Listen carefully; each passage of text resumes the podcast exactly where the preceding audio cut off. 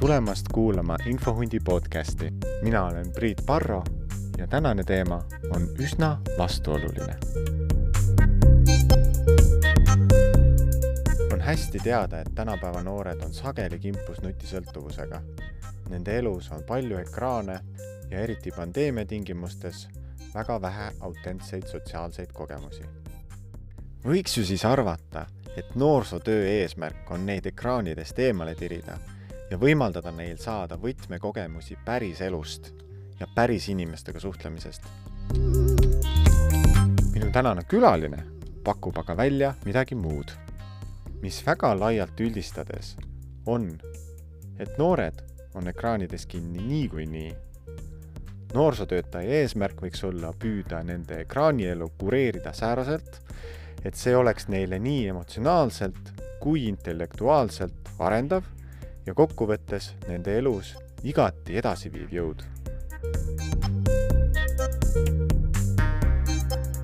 infohundi podcast on täna otseühenduses Tartuga, kus asub aparaaditehas, mis oma olekult ja ka funktsioonidelt sarnaneb väga Tallinnas asuva Telliskivi loomelinnakuga.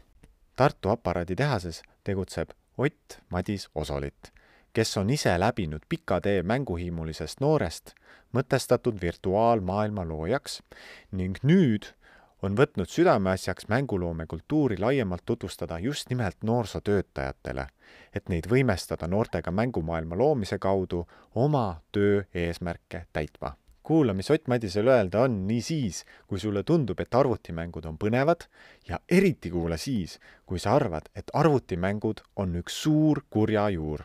Kui kaua sa ise arvutimängudega tegelenud oled? Äh, ma ise olen arvutimänge teinud väga pikka aega juba tegelikult nüüdseks, et äh, enne seda, kui ma tegema hakkasin, ma olin ka sellega veits äh, kaudsemalt seotud, et kui ma olin, kui ma olin pubekas, siis ma sattusin mänge testima internetis, see oli väga hea viis, kuidas tasuta mänge saaks mängida, sest siis ostma ei pidanud, kui mingisugune testimine käis, et siis lihtsalt panid ennast kirja, said võtme ja siis testisid kuni testimine kinni pandi. ja siis ma niiviisi proovisingi erinevaid mänge ja siis ma sain sellest testimisest päris heaks, nii et ma äh, tundsin ennast piisavalt mugavalt ka, et ma võiksin arvamust avaldada, et nagu mis võiks paremini olla ja nii edasi.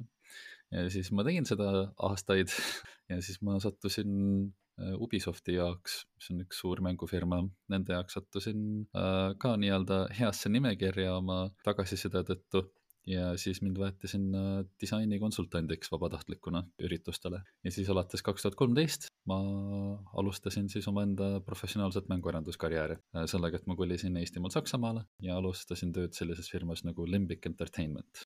mida aparaaditehase mängugeneraatori inimesed noorsootöötajatele suudaksid pakkuda? jaa, see on äh, nüüd selline uus plaan, nagu sa ise tead. Et äh, asi on sellises idee tasandil on olemas, et mida me tahaksime teha, on kaks suurt asja. me tahaksime pakkuda APT poolt, APT Game Generatori poolt siis võimalust tegeleda huvihariduses äh, mängu arendamisega, ehk siis äh, üritame teha huvikursusi, huvikoole tulevikus. Ja siis teine suur suund, äh, kus me tahame siis uut pinda murda, on see, et äh, me nüüd äh, saime sellise organisatsiooniga tuttavaks nagu Infohunt, et äh, nendega tahaks välja töötada siis plaani, kuidas äh, õpetada noorsootöötajatele siis mänguloome teadmisi. Nad suudaksid siis sellises väga fundamentaalse taseme peal õpetada ka siis noortele, kellel võib huvi olla arvutimängutööstuse vastu, kuidas mänge teha ja mida selleks vaja on ja eelkõige, et seda, kuidas õppida äh, mänguloomet ja mänguarendust. mida sa ütleksid nendele, kes ütlevad, et noored veedavad juba praegu liiga palju aega ekraani vaadates ja et ehk ei ole tarvis järjekordset tegevust, mis neid sinna aheldab? Arvutimängude tarbimine on täiesti teistmoodi tegevus äh, nii psühholoogiliselt kui ka mehaaniliselt, et see, see, kuidas mängud valmivad, ei ole mänguline, see on, see on ränk töö äh, ja see nõuab väga palju enese, eneseületamist ja pingutust. mida ma ise rõhutaks, on see, et iga inimene peab enda jaoks otsustama, mida nad tahavad saavutada sellega, kui nad lähevad arvutimänge tegema. et äh, motivatsioon on hästi oluline on kahte tüüpi, see on väga üldistav muidugi, aga et on kahte tüüpi suhtumist, et miks minna arvutimänge tegema. esimene on see, et see on suur tööstus, seal saab ennast hästi ära elatada, ehk siis arvutimängutööstuses on raha, mida teenida. ja teine variant on siis eneseteostus.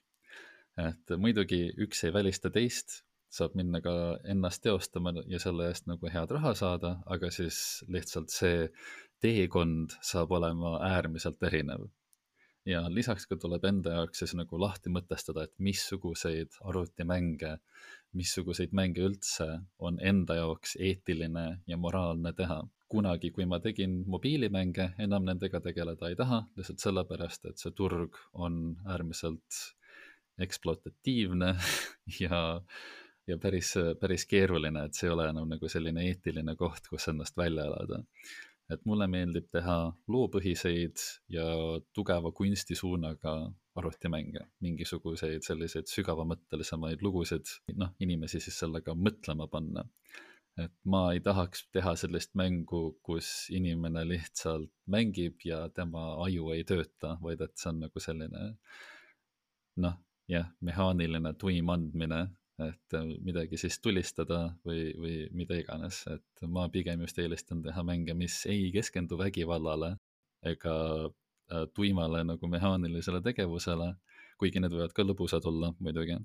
et äh, minu, minul on lihtsalt teistsugused väärtused, missuguseid mänge ma ise tahan teha on oluline, on leida vähemalt mõnigi inimene, kes, kes tahaks äh, selle teemal, teemaga tegeleda ja siis me saamegi seda edasi vaadata. et äh, see on selline suur plaan, me ei ole jõudnud seda üksipulgi veel läbi võtta, see on väga ambitsioonikas, aga see on selline asi, mida me tahaksime äh, vähemalt äh, proovida.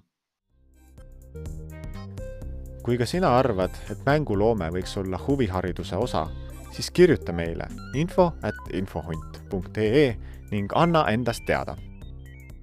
kui oleme paraja seltskonna Eesti pealt kokku saanud, siis saab edasi mõelda ja esialgu vast virtuaalruumis, aga tulevikus äkki ka mõne kokkusaamise vormis seda uut ja põnevat perspektiivikat ja aktuaalselt vagu ühiselt künda.